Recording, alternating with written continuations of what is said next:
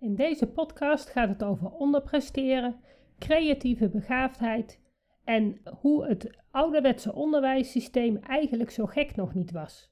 Veel beelddenkers lopen tegen het probleem aan in het huidige onderwijs dat het automatiseren van de tafels, maar ook het leren van Franse woordjes eigenlijk een hele onmogelijke opgave is.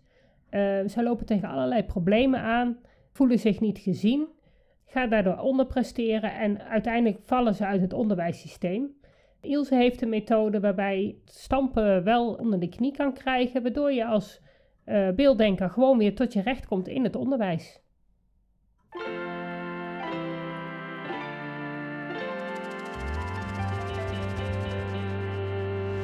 Welkom bij de Beelddenkers Podcast. Ik ben Natasja Esmeijer van Beeldig Brein en de schrijfster van het boek Beelddenkers als kwartjes vallen. Ik neem jullie mee in de wereld van de beelddenkers. Beelddenkers zijn creatieve, intelligente en zorgzame mensen, maar ze hebben moeite met onze vluchtige, snelle maatschappij. Dat begint al op school en het werkt door in het werkende leven. Ik ga in gesprek met leerkrachten, ouders van beelddenkers en met de beelddenkers zelf natuurlijk.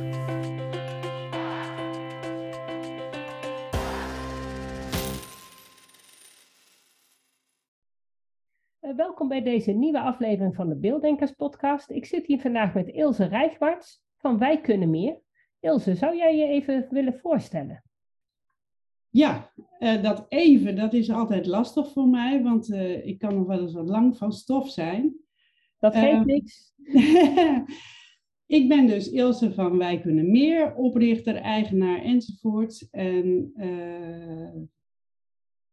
ik ben 62 jaar en sinds kort oma. Daar zal ik maar even mee beginnen. Dat is een hele levensfase.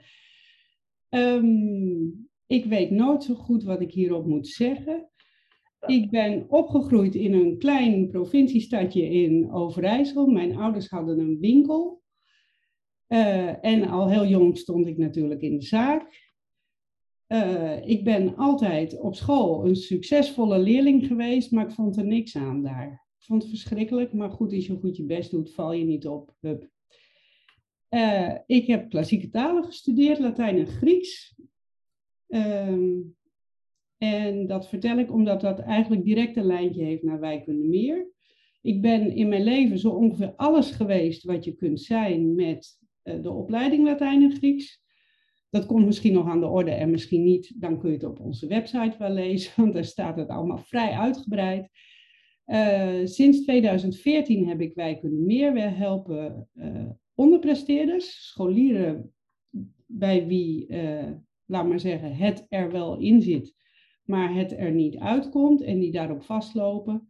En dat doe ik omdat onderpresteren eigenlijk een heel groot probleem is, waar je dat ja, waar je heel ongelukkig van kunt worden.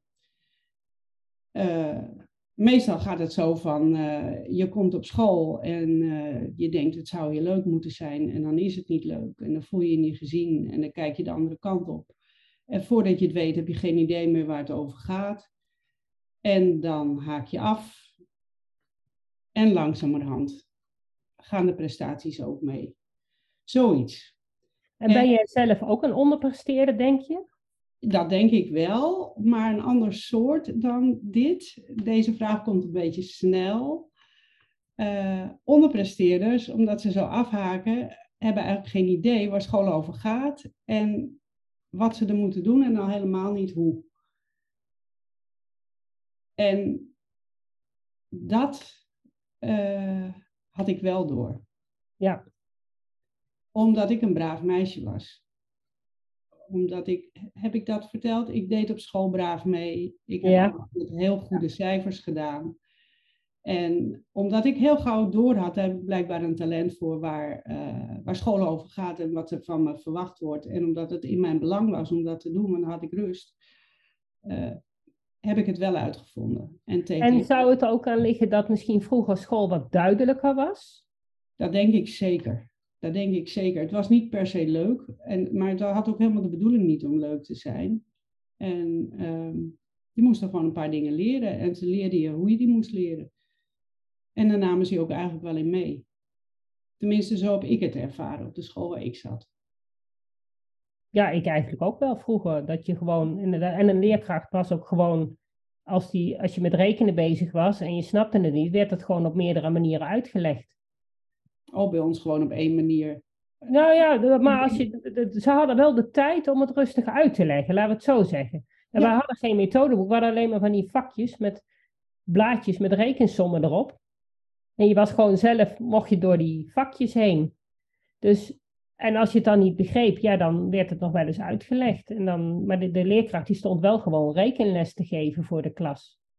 Ja, en, en het was dus de bedoeling dat je leerde rekenen. En daar vroeg je niet zoveel over af, want het was thuis ook de bedoeling dat je de tafel dekte. Dus dat deed je ook gewoon. Het was een beetje anders. Het was allemaal niet zo kindgericht. En dat vind ik er niet zo heel erg goed aan.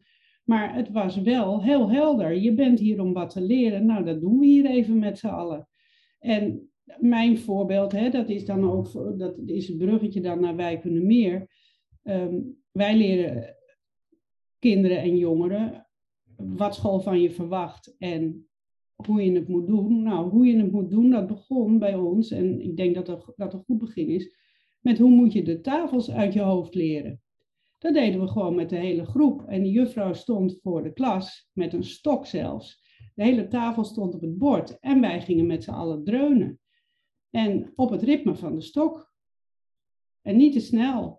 En op een gegeven moment werden een paar antwoorden weggeveegd, steeds meer. En wij maar doordreunen. Totdat we hem hadden. En eigenlijk werden zo alle kinderen meegenomen in wat willen we hier van je en hoe kun je dat doen? Nou, en om heel eerlijk te zijn, is dat nog steeds de basis van waar wij bij wij kunnen meer onderpresteerders mee helpen. Want wij hebben het idee dat ze om allerlei redenen afgehaakt zijn. Met name omdat het saai en stom is op school. Dus ik let niet meer op. En omdat het niet zo helder is, hè, dat is uit hun perspectief. En omdat het niet zo helder voor ze is wat er nou eigenlijk wordt verwacht. Want tegenwoordig wordt een tafel uitgelegd. En dan moet je een heel groot blad sommen met alle sommen door elkaar maken. En die stampstap, die is er niet meer. Nou, dat is wat wij doen. Is dit nog helder? Ik geloof dat. Ja, dit is nog wel helder. Ja. Um, en hoe, uh, even kijken, want uh, gaan we even terug naar um, uh, Wij kunnen meer. Want wat is jouw doelgroep? Wie, wie kunnen er bij jou terecht? Wat, wat is, omschrijf eens de, de, de perfecte klant van jou. Wij helpen onderpresteerders en dan diegenen onder hen die onderpresteren doordat ze creatief, associatief denken. En in feite is dat hetzelfde, Natasja, als beelddenken. Ja. Dat is in feite dezelfde groep als jullie helpen. Dus ik denk uiteindelijk, wij komen via het keyword onderpresteren bij dezelfde doelgroep terecht als ja. waar je zit. Uh, maar als ik naar jouw website ga, staat daar ook hoogbegaafd. Ja, en eigenlijk is dat, dat, dat moet er, uh, wij krijgen een nieuwe website, daar zijn we nu heel druk mee bezig en daar gaat hoogbegaafd een wat minder prominente rol spelen. Het komt omdat ik, eigenlijk is het toeval, is wat ik wilde zeggen. Um, ik zelf ben hoogbegaafd, mijn medewerkers zijn hoogbegaafd en soort zoekt soort. Ja. Dus ik heb altijd het meeste affiniteit gehad met die doelgroep. En het woord creatief begaafd, of de term creatief begaafd, komt ook uit de hoogbegaafden scene. Ik ben net als jij begonnen met de term beelddenken en uitleggen hoe beelddenkers denken. En ik merkte, ik kreeg eigenlijk nergens poot aan de grond. Want in die tijd, toen wij kunnen meer begon, was de universiteit nog niet zo ver dat ze daar onderzoek naar deden. Dus er was eigenlijk geen onderzoek. Dus het was pseudowetenschap. En uh, omdat ik zelf gymnasiaal ben opgeleid, kwam ik ook nog wel eens op gymnasia. Nou, ik werd gewoon weggevaagd met die term. En toen kwam het proefschrift van Joyce Gubbels in 2016. En die had het, dat ging over leerbehoeften van analytisch begaafden, creatief begaafden en praktisch begaafden. En toen las ik dat en toen dacht ik, oh, maar die creatief begaafde van haar, dat is mijn doelgroep. En toen ben, ik die term gaan gebruiken en ik heb eigenlijk de indruk dat die in ieder geval in de hoogbegaafden zien, via Wij Kunnen Meer, zich heeft verspreid. Zonder mezelf op de borst te kloppen, was niet per se de bedoeling. Maar nu weet eigenlijk iedere ouder van hoogbegaafden wat creatief begaafd is. Maar dit maakt wel dat vanwege het woord begaafd, dat het ook heel gauw verward wordt met hoogbegaafd. En dat is weer een groot nadeel van die term. En daarom trekken wij het op de website weer zo groot uit elkaar. Want het is echt wat verschillends. Creatief is de manier waarop je denkt. En hoog, gemiddeld, en dan moet je daar, daar tegenover dan ook laag zetten, wat ik heel vervelend vind, is de, het niveau waarop je denkt. Dus het is een soort raster. Ik, dat kan ik nu de luisteraars niet laten zien, maar het zijn eigenlijk een x-as en een y-as. En op de ene as zet je de denkstijl uit. Laten we maar zeggen creatief, praktisch, analytisch. Mhm. En op de andere as zet je de hoogte van het IQ uit. Ja. Nou, en- ja, want volgens mij heeft dat niet direct invloed op elkaar. Nee, terwijl het dus in de hoogbegaafden zien weer wel Ja. heel vaak het creatieve denken zo op de voorgrond staat. En ik ben geen wetenschapper op dat gebied. Ik heb wel in de wetenschap ook gewerkt, maar dat ging over Latijn, dus een heel ander verhaal. Maar ik weet hier hè, wetenschappelijk gezien niet alles van. Maar ik denk dat het feit dat het creatief denken in de definitie van hoogbegaafd zit, voor moeilijkheden zorgt. Maar dit is een hele lastige en die wil ik ook eigenlijk niet tijdens deze nee, podcast over verder. Laten we dit als een terzijde zien, Natasja. Ja, dus het is Hier niet is zo. naar mijn idee meer onderzoek nodig. Ja, dat denk ik ook. En dus wat jij eigenlijk met wij kunnen meer wil, is creatief begaafden, of ze nou wel of niet hoogbegaafd zijn, Uit het Eh, onderpresteren. Uit het onderpresteren helpen. Met, het- of in ieder geval helpen met eh, ja, hoe je dat onderpresteren weglaat. Hoe kun je als ouder... Mag ik er nog iets aan toevoegen? Daar heb ik een doel mee. Ja, Eh, onderpresteren maakt ze ongelukkig. En het komt ook vanuit ongelukkig zijn. En Ja. mijn drijfveer als mens is gewoon dat ik graag wil dat andere mensen gelukkig zijn. Dus het maakt me eigenlijk niks uit of je tien haalt of zo. Maar ik wil ze uit dat onderpresteren halen, omdat ik denk dat dat een boost is. Onderpresteren is slecht voor het zelfbeeld. Ja. Ik denk dat dit een boost is voor het zelfbeeld. Heel praktisch aan het werk. En daarnaast is regelmatig bij de klanten die wij krijgen therapie nodig.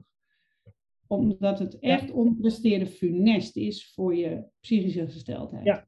Wat ik ook vaak in mijn praktijk kan merken, is dat het ook vaak linkt met ADD. Bijvoorbeeld, als iemand ADD heeft, echt heel erg associatief aan het denken is, dat dat vaak ook het onderpresteren in eh, de hand werkt. Ook omdat die motivatie om tot doen te komen vaak wat moeizamer gaat, waardoor ze dus op een gegeven moment dan maar blijven hangen van, nou, ik red het wel. Ja. Maar, en dat is door een hoge IQ het wel redden op basisschool. Maar zelf dan ook niet eh, altijd ehm, de motivatie hebben om dan harder te werken. Terwijl die motivatie er misschien wel is, alleen gewoon niet lukt. Ja, ik denk dat dat ook te maken heeft met de creatieve gerichtheid. Dat is waarom wij het ook creatief Ja. begaafd noemen. Wij hebben het over associatief creatief denken. En dan blijf ik maar even uit de stempels, want de ADD, ADHD, ASS heb ik ook geen verstand van. Eh, zelfs dyslexie niet. Wij zien kinderen die Mhm. al die stempels hebben. Ja, Maar dwars daardoorheen zien wij eigenlijk altijd hetzelfde beeld. Welk stempel ze ook hebben. En dat is het, analy- het, het, het associatieve creatieve denken. Laten we maar zeggen, als het waar is, hè, dat is heel gechargeerd, maar dat het een kwestie is van hersenhelften. ja, Denken creatief begaafden met name met de rechter en analytisch begaafden met de linker. Net als bij beelddenken. En dan heb ik altijd het gevoel dat die, zo, zo visualiseer ik als beelddenker het voor mijzelf, die creatief begaafden die gaan steeds verder naar rechts. Want Mhm. die gaan van de, het ene hoppen ze in het andere, in het volgende, in het volgende. En wat school in feite in de kern verlangt, in ieder geval wat de basis is op school, is het automatiseren van kennis en vaardigheden. Dat is niet steeds iets nieuws doen, steeds onderzoekend iets nieuws vinden. Dat is hetzelfde steeds sneller kunnen. Totdat je het net als lopen hebt geautomatiseerd. Totdat je bij een tafel zonder u te zeggen, pats het antwoord weet op 7 keer 7. En het is dus een totaal, diametraal anders gericht zijn.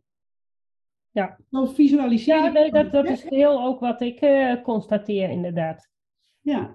En, en dat proberen wij dan om te buigen door ze heel gericht te helpen met dit verlangt school van je. School is helemaal niet geïnteresseerd in wat jij zo goed kunt en zo leuk vindt. Dat eh, onderzoeken, dat spijt ons heel erg, maar daar gaat school niet over.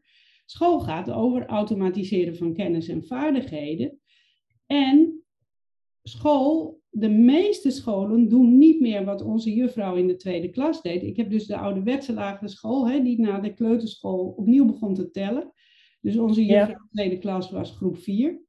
Wat die juffrouw deed met die tafel, dat doen de meeste, sommige scholen doen het nog, maar de meeste niet. En ik heb van een bevriende eh, leerkracht gehoord dat het zelfs met geweld er een eind aan is gemaakt, aan het stampen, dat de directeur bij haar door de school liep en zei, waar ik nu nog tafels hoor stampen, dan kom ik binnen en ik maak er een eind aan. Dat mocht niet meer. Nee. Waarom niet? Alles moet op begrip en alles moet uitzoeken. Dus ze- eh, hè, je mag dan, je moet het dan zelf een strategie ontwikkelen. Dus Ja. het idee is nu, tafels worden uitgelegd. Vind ik al moeilijk, want er is niet zoveel aan uit te leggen behalve ezelsbruggetjes. Want het is zoals het is.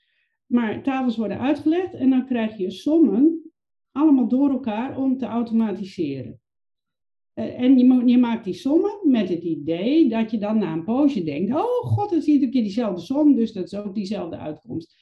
En wij zien dat die creatief begaafden die zo onderzoeken en iedere keer wat nieuws bedenken uit zijn, dat die helemaal niet herkennen dat die som iedere keer terugkomt. Dus dat ze dat antwoord ook niet opslaan, dus dat dat automatiseren niet lukt. En wat wij dan heel praktisch doen, ik maak weer een rondje naar wat ik net, net zei, ik praat altijd, het zijn altijd zo van die cirkeltjes. Ehm, wat wij dan doen is heel praktisch, hoe stamp je nou die tafel eerst eens in je hoofd, zodat je die sommen gewoon trrr kunt maken en dan ben je er weer af. Dus wij zeggen stamp een tafel per dag volgens een systeem, hebben we een stappenplan voor van, ik denk wel 28 stappen. En daar zitten alle tips in die in het boek van Natasja allemaal als tips staan in het nieuwste boek. Die hebben wij eigenlijk in de tijd gezet. Dus dat is lees jezelf de, de som voor, hardop. Wij gebruiken zoveel mogelijk zintuigen, dus niet alleen kijken. Lees hem voor, maak een foto in je hoofd, ogen dicht, lees de foto voor. Nou, zulke soort stappen hebben we een heleboel. Met, wat creatief begaafden natuurlijk van nature niet doen, herhalingen erbij. Mhm. Die moet je een beetje aan ze verkopen. Ja. En dan zeggen we, nou, na een dag ken jij deze tafel. Volgende dag, volgende tafel. En die eerste herhalen. En zo bouwen we dat op. En daar nemen we die kinderen in mee. Ja. Liefst ook hun ouders. Want als wij dat stampen bijvoorbeeld eh, met de kinderen moeten doen, dat zijn veel te veel uren. En dat wordt veel te duur. Ja. Zo doen we dat ook bij spelling. Hebben we ook zo'n stappenplan dat er precies zo uitziet. Woordjes leren voor het voortgezet onderwijs, ook eentje. Maar in feite, als je tafels kan stampen, kan je alles. Kun je Kan je alles stampen, ja. Ja, Ja, alles stampen. Zelfs teksten. Dus dat is de moeder aller stappenplannen. En wij handelen ja, dus, ja. handelen, maar wij werken met die stappenplannen.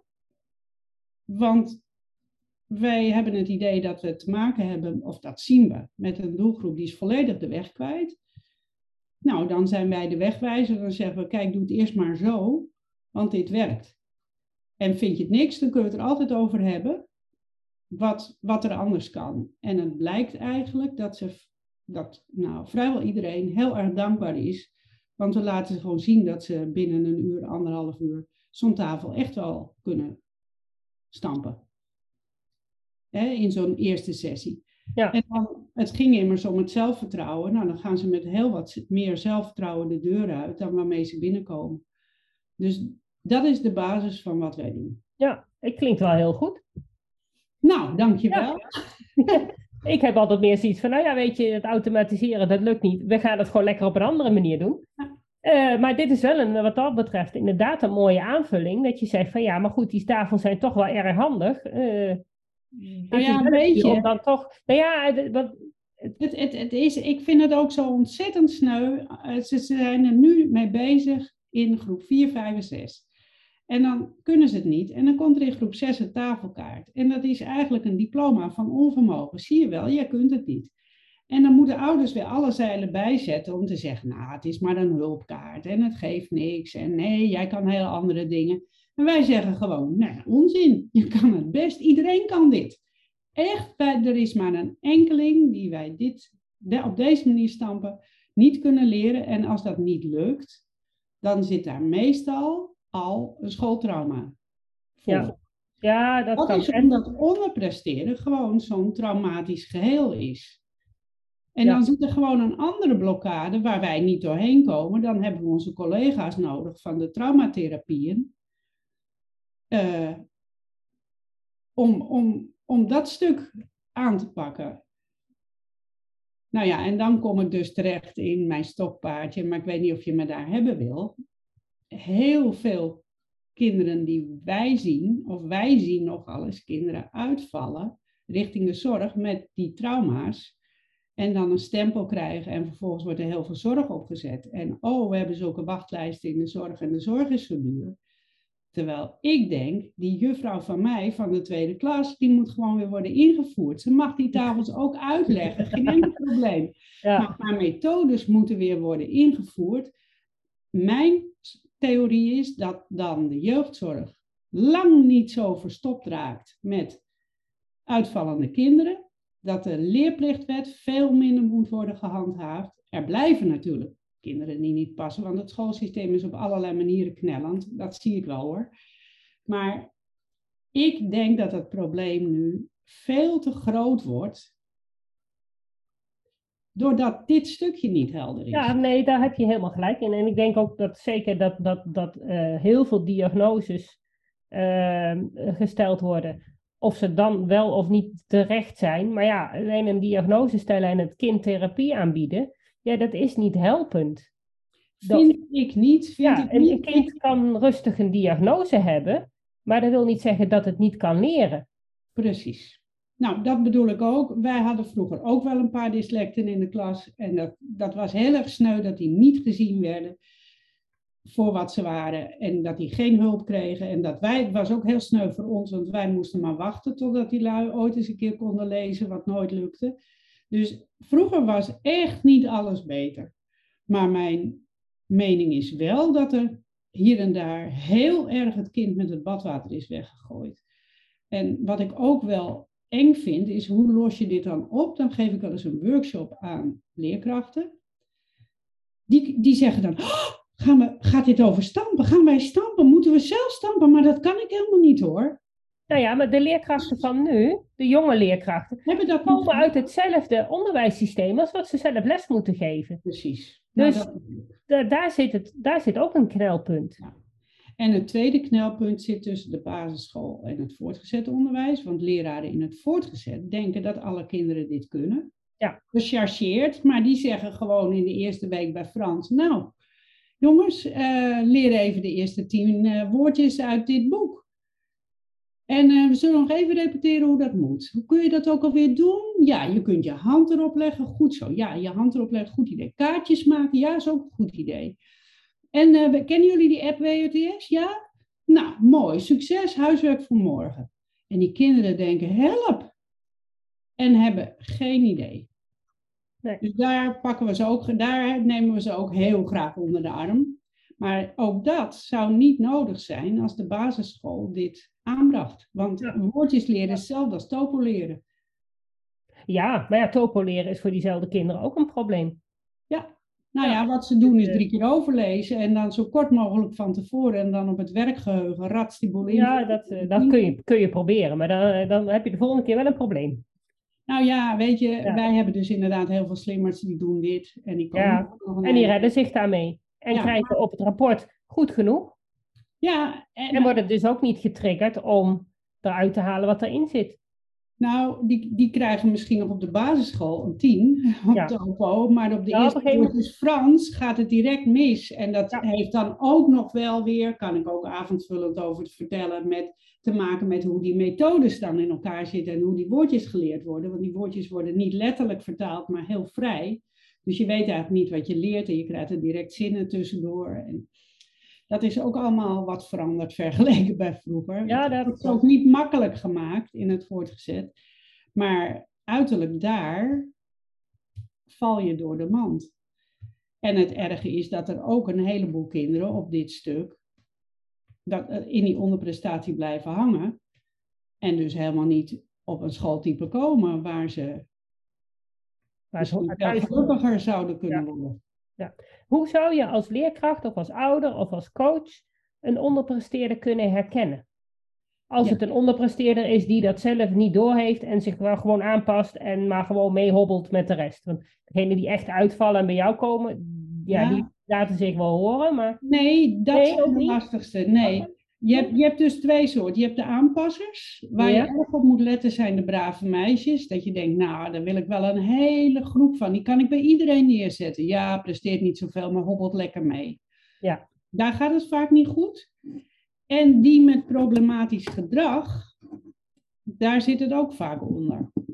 Ja, maar die worden dan weer niet herkend, omdat ze dan uh, krijgen dan weer oude diagnoses. Die gaan naar de zorg. Die gaan naar de zorg. Maar er zijn zo een aantal signalen. En buikpijn, hoofdpijn, niet naar school willen, zijn hele duidelijke signalen. En de andere, als de ouders rapporteren eh, of uitvinden dat er een enorm verschil is tussen school en thuis. Ofwel schoolbraaf, thuis heel boos. Of school, juf schoppen, thuis lief. Die komen ook voor. En die laatste, die gaan direct naar de zorg natuurlijk. Ja. Want dat, dat kan toch niet dat je de juf schopt? Ja. Dat zijn de externaliserende. Die worden echt direct als probleemkind. Ik chargeer steeds, hè? Die worden, ja, ja, ja, nee, dat is duidelijk wel. Dat, steeds, maar hè, dat zijn de probleemkinderen. En, en ehm, je hebt ook de internaliserende, die af en toe ontploffen, maar die ontwikkelen dan lichamelijke klachten. Ja, zelf, je vroeg of ik een onderpresteerder was. Ik was ja. dus van dat brave soort. Dat mhm. was heel moeilijk te zien, maar zelfs bij mij was er een verschil op school thuis. Ehm, en ik had die lichamelijke klachten. Bij die juffrouw van die tafels was ik zo bang, dat is de andere kant dus, hè, van dat ja. Het is echt niet altijd goed. Ik heb elke dag voordat ik naar school moest overgegeven. Nou, dat is een enorm teken. Mijn ouders deden er niets aan, behalve af en toe de school bellen. Het was weer zo erg met Ilse vanochtend. En dan mocht ik met de juffrouw de koffie rondbrengen. Nou, en dan nam ze me apart en zij was, de voetveeg kwam ik pas veel later achter van alle andere leerkrachten. Zij was de jongste en ze had een klas van 40 kinderen en ze moest koffie zetten voor iedereen. Zo was dat toen, hiërarchie. Dus zij stond ook onder vreselijke druk. En dat voelde ik blijkbaar als heel gevoelig meisje. Nou ja, en dan mocht ik koffie met haar rondbrengen. Je begrijpt dat dat het meest enge ongeveer was wat er was. dan was ik met haar alleen. Maar het was heel goed bedoeld. Maar dat was het maximum wat ze deden. Nou ja, daar hadden ze dan kunnen zien. En wat mijn andere verschil was, dat ik thuis eigenlijk, ik, ik kletste altijd op school. Ik zat altijd te praten. En als ik zenuwachtig ben, krijg ik steeds meer tekst. Dus dat hadden ze ook kunnen zien. Ja, dus ja, dus ook de kinderen die dus inderdaad ehm, wel veel praten, maar eigenlijk niet zo heel veel zeggen? Of bedoel je dat niet? Nou, ik zat gewoon overal tussendoor te fluisteren. Daaraan hadden ze kunnen zien dat ik ze niet nodig had, omdat ik mm alles al lang snapte. Ja. En dat ik zenuwachtig was. Maar veel meer konden ze niet zien. Maar brave meisjes moet je gewoon, vind ik, altijd doorprikken. Van, van ze hadden mij in ieder geval uh, meer creatieve dingen kunnen bieden. Dat was toen niet. Dat is nu meer. Maar eh, werkstukjes maken, dingen onderzoeken. De, de enige plek waar ik meer kreeg, uitdaging kreeg, was bij handwerken. Daar hadden ze door dat ik al lang kon breien. Dat had ik me van mijn oma geleerd op de, toen ik op de kleuterschool zat. Eh, breien, eh, naaien, haken. Vooral breien vond ik geweldig. Maar uh, toilettasjes, ja, er is een apocrief verhaal, dat klopt natuurlijk niet, maar dat ik op mijn derde een toilettasje heb gemaakt. Nou, dat is natuurlijk niet waar, maar hè, ik, kon, ik kon gewoon al die dingen die wij daar moesten doen, die suffe dingen, die kon ik al. En daar kwamen de juffen achter en we hadden allemaal hele suffe verplichte werkjes. Poppen, schotje borduren, of een schotje voor jezelf, of een pannenlap haken. Nou, nu is het weer helemaal hip, maar god, wat vonden wij dat stom. Of nog erger, een koffiefilterzakjeshoudertje. Oh, borduren? Uh, timmeren. Nee, nee, nee, borduren, niks timmeren. Oh, borduren. tuurlijk. borduren en naaien. Dus je naaide een of ander iets en daar gingen inderdaad Ja, stukjes ja. karton in. En en, eh, iets, je, je, je, je naaide iets met de hand in elkaar, gingen voor en achter stukjes karton in en op de voorkant moest je iets sufs borduren. Nou, dat heb ik allemaal niet hoeven doen, want ze kwamen erachter dat ik, dat, dat ik wel kon borduren, want dat was uiteindelijk het doel. Dus ik mocht allemaal leuke dingen uitzoeken. Je had toen het maandblad de Ariadne voor handwerken. Ja? Dan mocht ik zelf dingen uitzoeken en na mij werden ze dan verplicht. Maar Oké. ik had de vrijheid. Dat was wel fijn, maar dat hadden ze bij alle vakken moeten doen en dan Ja. niet na mij alles verplicht stellen natuurlijk. Nee, dat is dan wel, dat voelt ook weer zo druk, hè? Ja. Ik heb patchwork kussentjes gemaakt op de basisschool, weet je, hartstikke leuk. En een leeuwtje en een, een ezeltje genaaid en een leeuwtje gebreid en allemaal dingen die ik wou. Ja. Dat was heel fijn. En dat hadden waar je ook je creativiteit in kan Ja. ontwikkelen. Ja, Dus maar dat hadden creativiteit... ze daarnaast wel mogen doen als extra werk. Maar wat wij wel hadden en wat tegenwoordig op de basisschool ook al niet meer is, een hele middag zingen of een hele middag tekenen zonder opdracht. Gewoon maak een tekening over Pipo. Nou, heb je nog weer een opdracht? Nou ja, goed maar. Ja. Oké. Gewoon, eh, gewoon eh, los... Ja, ja, ik weet niet of het niet meer gedaan wordt. Bij ons vroeger hier, bij, toen mijn kinderen op de lagere school hadden, ze toch wel echt zon, vrijdagmiddagen of zo, dat er wel geknutseld werd. Wel met een opdracht. Ja, en met kleurplaten en met bouwpakketten. Ja, nee, nou ja, bij ons. ja, Bij mijn kinderen, toen ik met mijn kinderen op een gegeven moment van school wilde veranderen en we hadden een goede school gevonden, toen vroegen we hoe is het met creativiteitsonderwijs en toen zeiden ze nou, we moeten bekennen, daar doen we eigenlijk niks aan. Oh, Dus Ja. alleen maar circuitjes. Ja. Maar in ieder geval, wij deden, en wij hadden ook dat meester of juffrouw een hele middag zat voor te lezen. Stel je voor zeg, ze hebben nu zoveel tijd tekort. Mm, ja, er wordt wel voorgelezen in de pauze tijdens het eten. Ja, maar bij ons niet, bij ons gewoon eh, van twee tot half vier. Ja, ja, dan zit je lekker in het verhaal. Ja. Ja. En dan kon je dromen en dat mocht ook. Ja. Nou ja, niet, vroeger was niet alles beter. Nee, dat denk ik ook niet. Maar Mag ik terugkomen op wat wij doen, Ja. Natasja? ja, Wij zeker. proberen die kinderen die met het badwater zijn weggegooid, Ja, weer omhoog te halen, om daar die onderpresteerders mee te helpen. Dus zo kom ik steeds te spreken op het onderwijs van vroeger. Wij proberen de, die, die stukjes die eruit gegooid zijn, weer terug te halen, want wij denken dat daar de missing link zit. En dan met name voor die associatieve creatieve denkers. Hoewel wij met zo'n stappenplan een taaldenker natuurlijk ook kunnen helpen om heel efficiënt te zijn. Doe Ja. dit, doe dat, doe dat. Alleen die hoeft niet te visualiseren, is nergens voor nodig. Dat gaat hem ook niet lukken. Nee, nou dat vertelt hij ons dan wel. Wij Ja. zeggen, maak op jouw manier een foto in je, in je hoofd. En dan zegt hij, maar dat kan ik niet. Nee. Nou, dat mag. Zelfs, er zijn ook associatieve denkers hoor, die niks zien. Nee, dat klopt. Het is niet zo dat dat altijd werkt. Nee, want ik werk ook met visualiseren. Ja, tuurlijk. Dus, eh, ja, maar dat- inderdaad, niet iedereen. Of ze zitten zo in de stress, Dat, ja. dat het ook niet lukt. Nou, dat ze ook niet weten wat, Ja. wat je verlangt. En ook niet, nee. En dan hebben ze iets van, ja, maar ik... En dan ook op dat moment niet de, de- de- het voor elkaar krijgen. Sommigen die maken echt foto's. Kan ook. Ja. Eh, dus het is niet zo dat je... en dat moet je ook altijd mee uitkijken. Van, dat je denkt van, oh, nou heb ik het te maken met een creatieve denker. Of een beelddenker, of hoe je het dan wil noemen. Eh, en dan gaan we het zo doen en dan werkt het altijd. Zo werkt het niet. Nou, dit is waarom ik ook beelddenken niet, ook niet gebruik. Ik zelf zie wel beelden, maar ik voel eerst. Ik Ja. ben nog een gevoelsdenker. En Mhm. gevoel is heel abstract. Dus, Ja. dus ik heb bijvoorbeeld ritme heel erg nodig bij het leren. Een Ja. ritme. Eh, hè, dus een tafel opzeggen in een ritme gaat het tien keer beter. En erbij bewegen. Ja, heb ik ook heel erg nodig. Ja. Dus, dus ja, die dingen, wij, daarom zeggen wij dan maar, en dat heb ik eerlijk gezegd ook gewoon in mijn lerarenopleiding geleerd, waar het helemaal niet ging over beelddenken, zoveel mogelijk zintuigen gebruiken bij het Ja. leren. Dat sowieso. Alles inzetten wat je hebt. Maar ik denk wel dat het voor een, een, een, leerling zelf fijn is dat hij weet eh, waar hij het vandaan moet halen. eh, waar, waar hij zelf eh, het meeste baat bij heeft. Want dan Ja. kun je daar zelf ook gewoon gebruik van maken. Ja, nou dat merken ze vanzelf. Ik heb ook wel eens een leerling gehad die bij het woordjes leren rondjes om zijn bureaustoel liep. En dan worden ouders heel zenuwachtig. Dus Mm. af en toe moet je ook gewoon even met ouders praten van, dat moet je niet verbieden dus, die bewegelijkheid, het hoort erbij. Ja. Doe je ogen Ja, ouders, ouders die horen, ja, ik vind ook een, een kind, alleen een kind, eh, dan sta je er nog alleen voor.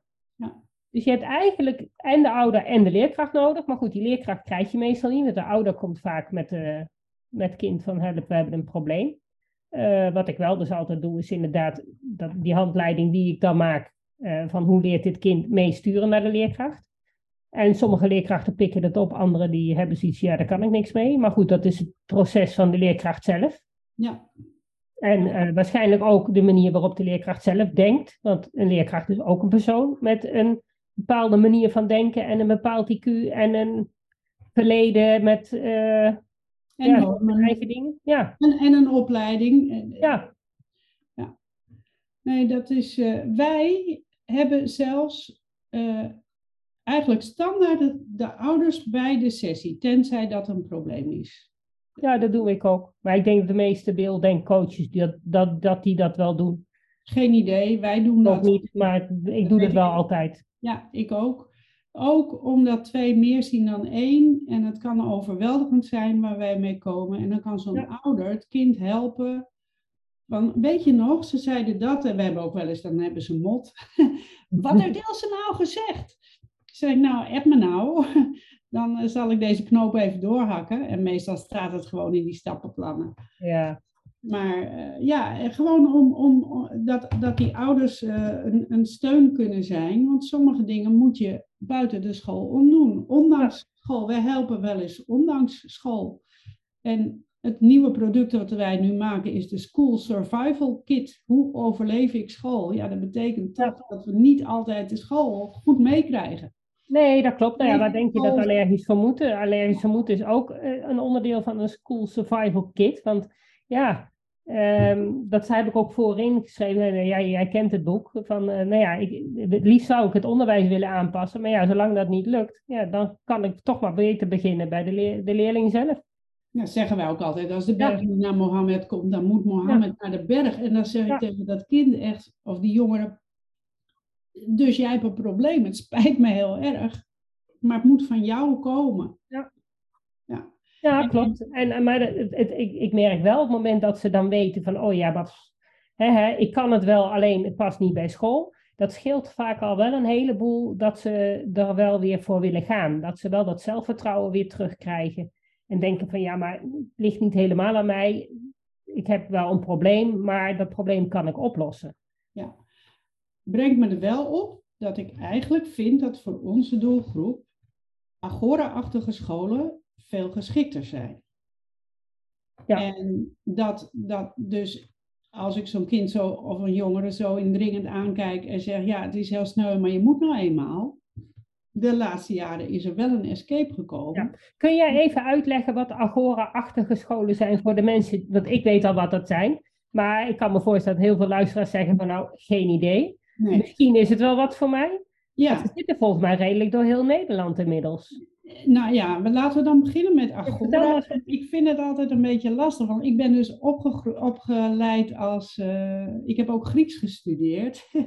En Agora komt van het Oud-Griekse, wat wij uitspreken als Agora. Agora. Je hoor ik vaak ook Agora-onderwijs. Ja, nou ja, en, maar de uitspraak van het Oud-Grieks is, de, de uitspraak die wij op scholen gebruiken, is een fantasieuitspraak. Dus hoe de oude Grieken het zeiden, weet Ja. ik niet. Maar wij als klassici zeggen agora, met een gamma, en niet met een gi, dus niet agora, maar agora, agora. Maar ik, ik heb het altijd gehoord als agora-onderwijs. Dus ik spreek het zo dan maar uit, net zoals, zo'n verhaal kan ik ook houden over het Senseo-apparaat Ja. uitspraak klopt qua Latijn ook helemaal niet. Goed, Agora-onderwijs is eh, ontstaan in Roermond, een middelbare school voor zover ik weet. En eh, het belangrijkste, vind ik, karakteristiek is dat daar het onderwijs wat er is, eh, dat daar wordt aangehaakt bij de motivatie van de leerlingen. En dat ze dus eventueel ook wachten tot je een keer wilt. Iedereen krijgt een coach en je zit eh, in hele grote groepen Ik ben er nooit geweest hoor, maar dit is wat ik gelezen heb. Je zit in hele grote groepen waar weer andere coaches rondlopen, allemaal te werken aan je eigen doelen. En uh, als je niet aan een schoolsdoel wilt werken, dan werk je niet aan een schoolsdoel. Wij hebben een cliënt in Amsterdam-Noord ondergebracht op de Agora school. Die heeft het eerste jaar niets anders gedaan dan alle feestjes georganiseerd. Dus Sint Maarten Halloween, Sinterklaas, Kerst. Nou, wat komt er daarna? Pasen, misschien nog iets ja. door. Misschien die creativiteit, creatieve ontwikkeling. Ja. En aan het eind van het jaar was hij er eigenlijk vroeg bij, zei Agora. Zei hij, nou, ik zou geloof ik wel een HAVO-diploma willen halen. Goh, zei die coach, dan ben je echt best wel snel, want pas in de derde klas beginnen we eigenlijk van, joh, wat denk je ervan? En wat ik niet zeker weet, is of je echt uh, helemaal zonder diploma eraf mag. Er zijn Agora-achtige scholen. Daar ja, is het wel. Agora Underground, je hebt van ja, en dan, ja, maar dat is voor thuiszitters. Dat is een heel fijn initiatief. Agora is in het thuiszittersprobleem gesprongen. Dus voor thuiszitters hebben ze Agora Underground en daar komt de coach aan huis. En dan kan je helemaal je eigen programma doen. Uh, maar het idee is dat je dan bij Agora ben je ingeschreven op een school, ook bij Underground. En dus voldoe je aan de leerplicht. Als je dan die coaching wat, wat doet, dan, dan heb je geen problemen meer met, uh, nou ja, met welke leerplichtambtenaar dan ook. En daarnaast heb je kans om gewoon weer een diploma te halen, maar je hoeft niet verplicht als thuiszitter weer in te stromen in het onderwijs, het reguliere onderwijs zoals het nou eenmaal is. Want wat ik zeg, hè, dat agora-onderwijs past eigenlijk gewoon veel beter. En dan Agora-achtig zijn een heleboel, uh, zoals dat heet, B3-scholen, dat, of staatsvrije scholen. Dat zijn scholen die niet aan alle regels van de leerplichtwet hoeven te voldoen. En uh, er is er één, daar heb ik wat meer contact mee, uh, in, in Noord-Laren. Er is zelfs sprake van geweest dat ik daar coach zou worden. Die uh, gaan ook zo ver dat ze zeggen, en volgens mij is dat op allemaal, maar ik ken alleen maar die wat beter. Um, je hoeft hier helemaal geen diploma te halen, als je er maar bent. En je hoeft ook niet precies daar aan de urennorm te voldoen per vak. Als, het vak maar, als je het vak maar doet op een of andere manier. Dus als je Frans doet uh, via liedjes, prima. Mm dus daar, die, bij die scholen, die, die B3-scholen, die, daar, daar, het nadeel is, ouders moeten uh, uh, een eigen bijdrage betalen per maand. En het voordeel is, de regels zijn lang niet zo strak. En het leren komt uit de leerling. En wat hij wil, kan opengelaten worden. Ja, dus dan heb je wel weer veel meer mogelijkheden veel om meer mogelijkheden. te ontwikkelen zoals dat bij jou past. Ja. En uiteindelijk haal je toch wel je diploma, tenminste kun je in ieder geval je diploma wel halen als je daar... Ja. Eh, op die B3-scholen doe je staatsexamens, dus daar kun je ook uh, variëren. Dit vak op dat niveau, dat vak op dat niveau en een paar vakken helemaal niet. Kan. Ja, ja want volgens mij voor bepaalde vervolgopleidingen kun je vaak met een toets en een aantal vakken ook al terecht. Het is niet dat je, altijd een HAVO-diploma moet, uh, moet overleggen. Of als je 21 weet te worden, dan kun je naar de Open Universiteit gewoon op basis, als je kunt aantonen dat je het niveau hebt. Dus dat zijn die escapes. Maar in ieder geval, een Agora-school is, uh, uh, daar kun je ook veel meer vanuit je onderzoekende manier leren. Uh, aan je eigen doelen werken op je eigen manier. En dat wordt ondersteund. Dat is eigenlijk het hele korte verhaal. Ja, nou ja, dat is denk ik voor, voor onze doelgroep. Dus de, de, inderdaad de creatief begaafde, de de beelddenkers die, die, die gewoon, ja, ja, kijk, de ene beelddenker is de andere niet. Sommigen die hobbelen inderdaad gewoon mee en hebben met een beetje hulp, eh, zitten die prima op hun plek, uh, nou of prima op hun plek, maar redden ze het wel in dat onderwijs. Ja, en anderen die, die zijn vaak nog wat creatiever, nog wat, uh, hebben er gewoon wat meer moeite mee. En dan is denk ik zo'n escape wel een hele goede, omdat thuiszitten is natuurlijk helemaal funest voor je zelfvertrouwen. Uh, ja, nou ja, meestal kan, is het, kan soms een optocht. Ja, ik denk dat het gevolg. Daarom. En dan, dan heb je al zo'n trauma vaak. En dat kun je beter voorkomen. Nou, ik ben erg van voorkomen. Ik vind wel dat thuis zitten of thuisonderwijs eigenlijk gelegaliseerd zou moeten worden. Ja, ik vind die leeftijd veel te knellend. Maar ehm, voorkomen is gewoon beter. Ik denk eh, dat wat ik in het begin van, van deze podcast allemaal schetste over het onderwijs en dat het vroeger allemaal zoveel beter was, dat is echt wel met de kanttekening. Als je het onderwijs zo wil houden als het is met de doelen die het heeft, dan was er vroeger een aantal dingen gewoon veel beter en dan zou het heel goed zijn als we die weer terughalen. Maar als je mij mijn hart kijkt, dan vind ik voor in ieder geval onze doelgroep dat Agora-onderwijs geschikter en gewoon prettiger. En als je, als je wilt dat school ook leuk mag zijn en zo, dan zeg ik, Ja. huppakee, daar naartoe. Ja, maar dan hebben we er wel meer nodig, vrees ik. Ja, veel meer, want Ja. ik weet niet hoe het bij jullie is. Jij zit ook in een soort uithoek, ik ook. Hier ken ik dus in, in dit, Kom wij hier naar Zevenaar, denk ik. ja, Zevenaar zit volgens mij Agora.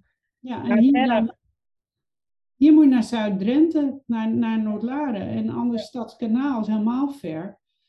En dan heb je natuurlijk nog de, de IBO-scholen. Ik ben bewust onderwijs. Heet dat Ja. Dat is voor Ja. hoogsensitieve kinderen, maar hoe de methode precies is, weet ik niet. Die zitten Dat is hier- helemaal vrij. Dat zit helemaal weinig methode in. En dat is volgens mij heel erg per school verschillend wat, eh, hoe ze het precies doen. kan Maar dat is volgens mij nog meer eh, op, op kunst en op eh, bewegen en op yoga en dat Ja, soort dat- dat- spiritueel. Ja. ja, precies. Precies. Dat, En dat is maar net staat of valt met degene die dat geven. Of dat, nou, net- dat, daar hou ik ook goede verhalen van hoor. Maar dat is volgens Nou, mij meer basisonderwijs. Zeg je? Dat is volgens mij meer basisonderwijs. Ja, voor, voor, voor zover ik weet is het ja. ook tot 18. Ik geloof Ja. niet dat dat hier in de buurt veel zit, dus ik hoor daar niet zo heel veel van. Nee, nou, er zit hier, ik woon in Heerenveen, er zit een in Meppel en er komt er eentje in Gaasterland in Friesland. In- ook weer een uithoek. Ja, ik denk wel dat je heel erg voor jezelf moet kijken als luisteraar van eh, wat past bij mij en wat past bij mijn kind. En dat je dan inderdaad per school moet gaan kijken van, nou ja, wat hebben we? Eh, past dit inderdaad? De manier waarop deze mensen het uitvoeren, Ja. is dat wat voor mij past? En maar wat ik eigenlijk het liefste wil, is dat het gewone onderwijs, het reguliere onderwijs, gewoon veel meer rekening houdt met de verschillende intelligenties van kinderen, de verschillende, de creatieve intelligentie, de praktische intelligentie. Dat dat allemaal wat meer aan bod komt, zodat je ook gewoon in een klas om de, eh, op de hoek, de school op de hoek, gewoon terecht kan. Want het mooiste is dat een kind ook leert zelf naar school te lopen. Naar school dat met vriendjes kan gaan spelen. Daar, daar ben ik het wel mee eens, maar dat, dat heb ik eigenlijk nog niet goed genoeg doordacht. Ik geloof dat ik dan zou willen dat alle scholen om de hoek allemaal Agora-scholen worden. Dit is Ja, nou ja, dat is ook een mogelijkheid. En dat er nog een enkele school overblijft die meer lijkt op wat er nu is. Want volgens mij is dat voor een kleinere groep geschikt.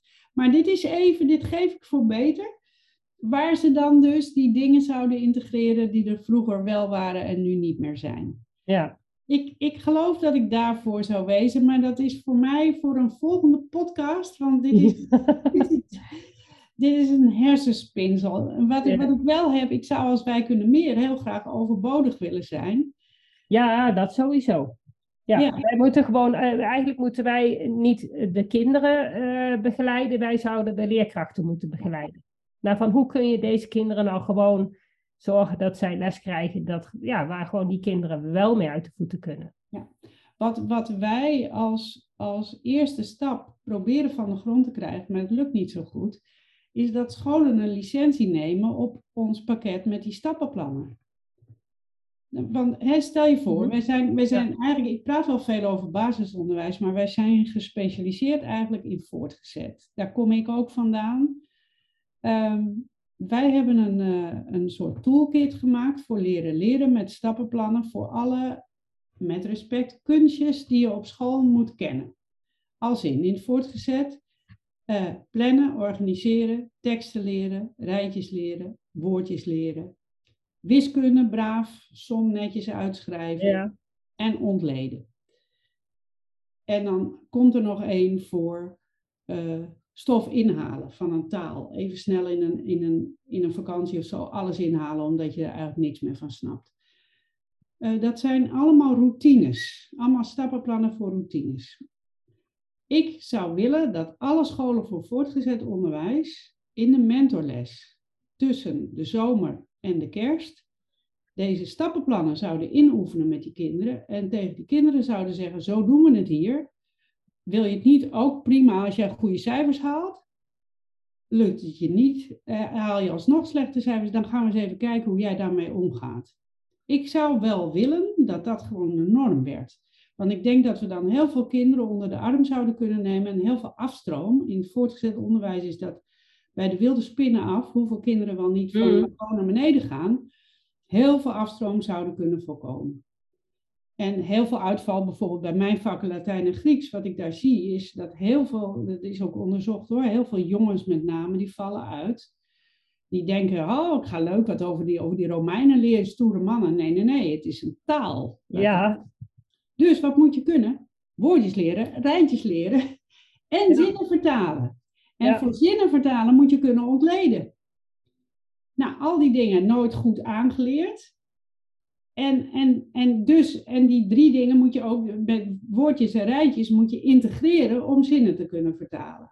Ja. En dan moet je je grammatica kennis, die je hopelijk, maar die heb je niet, maar die, die je had moeten opdoen, die moet je daarbij gebruiken. Daar vallen heel veel kinderen uit. Maar eigenlijk zijn dit allemaal, ja, dan kom ik weer met kunstjes. Het zijn allemaal, mm. hoe zeg je dat? Ja, het zijn allemaal door de mens bedachte dingen. Taal is door een mens bedacht en rekenen is door een mens bedacht. Taal dan misschien wat minder. Ja, en het, het wordt... Nee, maar wat ik dus zou willen, dampen, dat, ja. dat is niet wat ik wou zeggen, want dat is ook waar. Ik zou graag willen dat ze in de brugklas leerden hoe ze deze dingen moesten doen, zodat ze het gewoon kunnen doen, zodat ze niet mm. het gevoel hoeven te hebben, ik ben dom, want ik moet van het gymnasium naar het ateneum en daar red ik het ook nog niet. En dan moet ik naar de HAVO en het lukt nog steeds voor geen meter. Als je die eerst zou komen met echt goed leren leren, dan is dat waarschijnlijk niet nodig. Nee, dan zouden ze eigenlijk op de basisschool moeten ze het al sowieso leren. En dan komen ze in de brugklasse even met jouw methode erachteraan om te fine-tunen. Dat zou helemaal mooi zijn. Ja. Op de basisschool gebruiken ze ze ook al. Wij hebben één basisschool als licentiehouder. Die zijn ontzettend blij ermee. Die doen nou de tafels op die manier, geen enkel probleem. Die kinderen komen in de brugklas van die school, zo'n hoogbegaafde schooltje trouwens. Komen in de brugklas en die school die gaat dan af en toe eens naar die brugklasses toe. En die zegt, goh, wat is nou het belangrijkste wat jij hier hebt geleerd? En dan zeggen ze dat stampen, juf, dat was wel heel erg fijn. Nou, ja. Dus dat, dat, dat zou ik wel willen, dat dat, uh, dat, dat kwam. Als, en mogelijk heb je zelfs op een Agora-school, als je het huidige examens wil halen, heb je al die dingen alsnog nodig. Dan moet je ja, dat nog doen. niet uit wat je moet doen. Eh, als jij een examen wil halen, zul jij moeten woordjes kunnen leren. Nou, ik wil één uitstapje maken. Ik denk dat ik ja. dat misschien wel genoeg heb verteld, maar dat schiet me iedere keer in de gedachten en er weer uit. Uh, de, de beschrijving van talen is door mensen bedacht. In de 19e eeuw. En het hele ontleden ook, toen pas. Voor die tijd werden talen aangeleerd aan kinderen met zogenoemde natuurmethodes, of wat dan nu natuurmethodes heet. Um, is misschien toch echt wel even nog een leuke ja, aanvulling. Ja, is wel leuk. Ja. Nu, ze hebben een beschrijvingssysteem gemaakt van taal en vervolgens zijn ze vanuit dat beschrijvingssysteem lesmethodes gaan maken. Ja. Het is begonnen bij Latijn en Grieks. dus ze hebben, een, hè, ze hebben woordsoorten uh, uit elkaar gehaald, ze hebben de grammatica-rijtjes gemaakt, het naamvallenrijtjes, werkwoordsrijtjes enzovoort. En toen zijn ze begonnen die kinderen die dingen aan te leren en systematisch vertalen. Eerst ja, daar al die stomme uitzonderingen. Dan het onderwerp opzoeken, dan het leidend voorwerp. Dat zie je allemaal aan de uitgangen, dan eh, zie je die naam vallen en zo puzzel je zo'n zin bij elkaar. En toen dat bij Latijn en Grieks wat werkte, hebben ze dat ook uitgerold over de moderne talen. Dat leek heel efficiënt. Dat is ook efficiënt als je met klassen werkt. Maar voor die tijd was het gewoon, je werd ondergedompeld in die taal en je pikte het op. Zo leerde je ook Latijn spreken. Dat was immers de wetenschappelijke taal gedurende de hele middeleeuwen. Nou, nu, een jaar of zestig geleden, zijn ze de omgekeerde weg weer gegaan. Was er een Deen die voor Latijn een natuurmethode heeft geschreven met kleine verhaaltjes die iedereen begrijpt. Vanaf het begin. De eerste zinnen kan iedereen snappen. En dan langzamerhand, net zoals een kind leert, wordt het vocabulaire uitgebreid en de grammaticale moeilijkheden. En die krijg je langzamerhand mee. En als je het hele boekje uit hebt, dan kun je beter Latijn dan wanneer je het geleerd hebt op die andere manier. Nou, er is een beweging in Nederland die probeert dit in het voortgezet onderwijs aan de grond te krijgen. Ook dit past veel beter bij de doelgroep. Dit is er intussen zoiets dergelijks is er voor Frans. Die lesmethode heet AIM, A-I-M. En die werkt met allemaal YouTube-filmpjes. Maar wat ik wel eens hoor is dat docenten dan in de klas ook Frans spreken en dat het eigenlijk op een gegeven moment veel te moeilijk wordt voor die kinderen en dat ze dan niet in de gaten hebben dat de kinderen volledig zijn afgehaakt. Dus je moet wel ontzettend contact houden met je klas of ze het kunnen volgen. Maar ook dit past veel beter bij onze doelgroep. Dus het mooiste zou, wat mij betreft, zijn een Agora-school waar ze dit soort methodes gebruiken. Maar voor zover ik weet, zijn ze er alleen maar voor Latijn en voor Frans. Ik heb ook nog één uit de jaren 50 zelf op de kop kunnen tikken, antiquarisch. Dat is een stapel van 20 boekjes, mhm. die dit ook doet. Maar die kent niemand meer. Dat is uitgestorven weer. Dat is een soort beweging geweest in de jaren 50, dus al 70 jaar geleden, die natuurmethodes. Ja. je hebt natuurlijk tegenwoordig het tweetalig onderwijs. Dat is dan voor Engels. Ja. Waar je dan in ieder geval wel het taal moet spreken en het alles in het Engels te horen krijgt. Ja, maar dat, wordt, dat is dus geen les. Dat is ook onderdompelen. En dat gaat ervan ja. uit dat je via gamen en zo jezelf al Engels hebt geleerd. In feite gaat het over dat. Maar dat kun je ook een beetje systematisch doen als je dan mhm. op school bent. En dan gaat het wat sneller. Ja. Uh, maar daar lijkt het op. Maar ook op die tweetalige scholen geven ze Frans bijvoorbeeld meestal, Duits op die manier van rijtjes leren, woordjes leren. Ja, dat, dat, dat zal, dat denk ik wel. Maar dat hoeft dus niet. Nee. Want er is een andere manier en die is fascinerend. En dat Latijn, dat doe ik ook wel eens af en toe met cliënten die met school moeite hebben met het gewone Latijn. Dan pak ik het op die manier en dan snappen ze het veel beter. Ja, daar kan ik me iets bij voorstellen. Dat is echt heel fijn. Meer weten over die natuurmethodes moet je zijn bij onderwijscentrum Adisco in Hilversum. Maar uh, wij zijn groot fan van Adisco.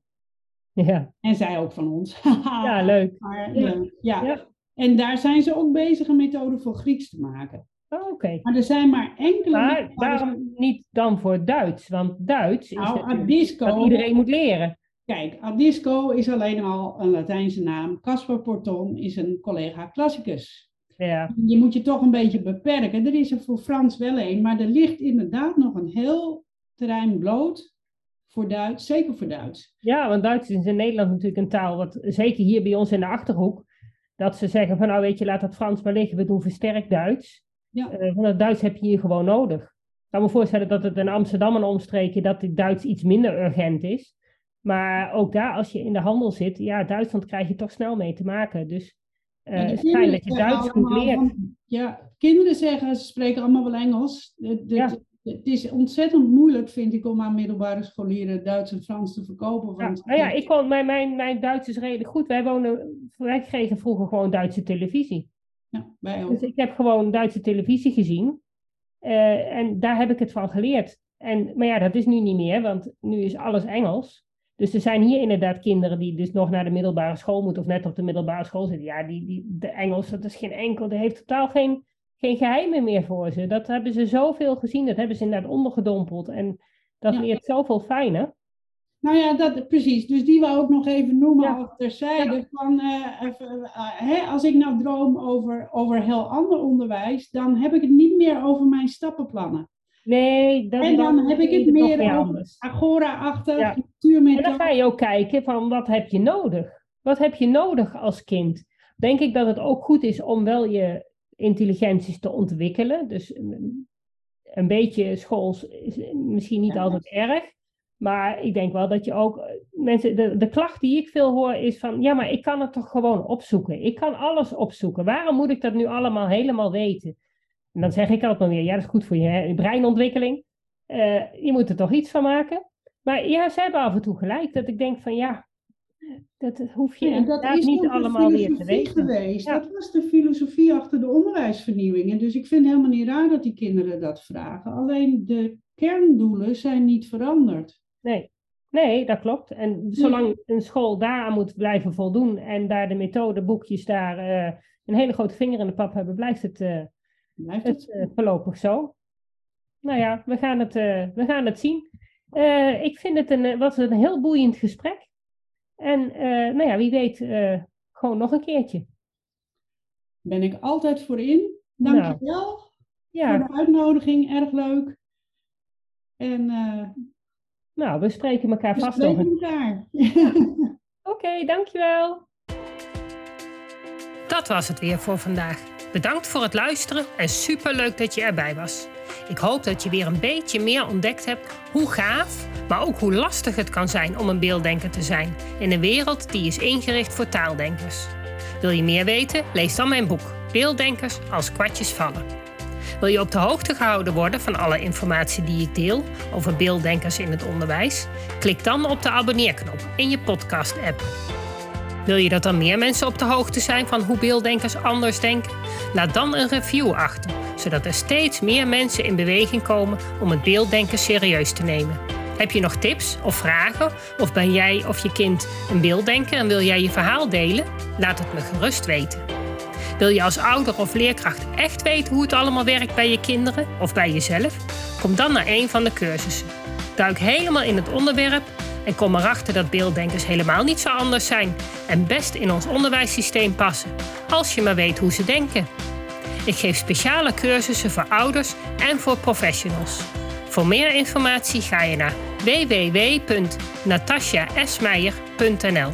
Samen gaan we voor een beelddenkvriendelijke wereld.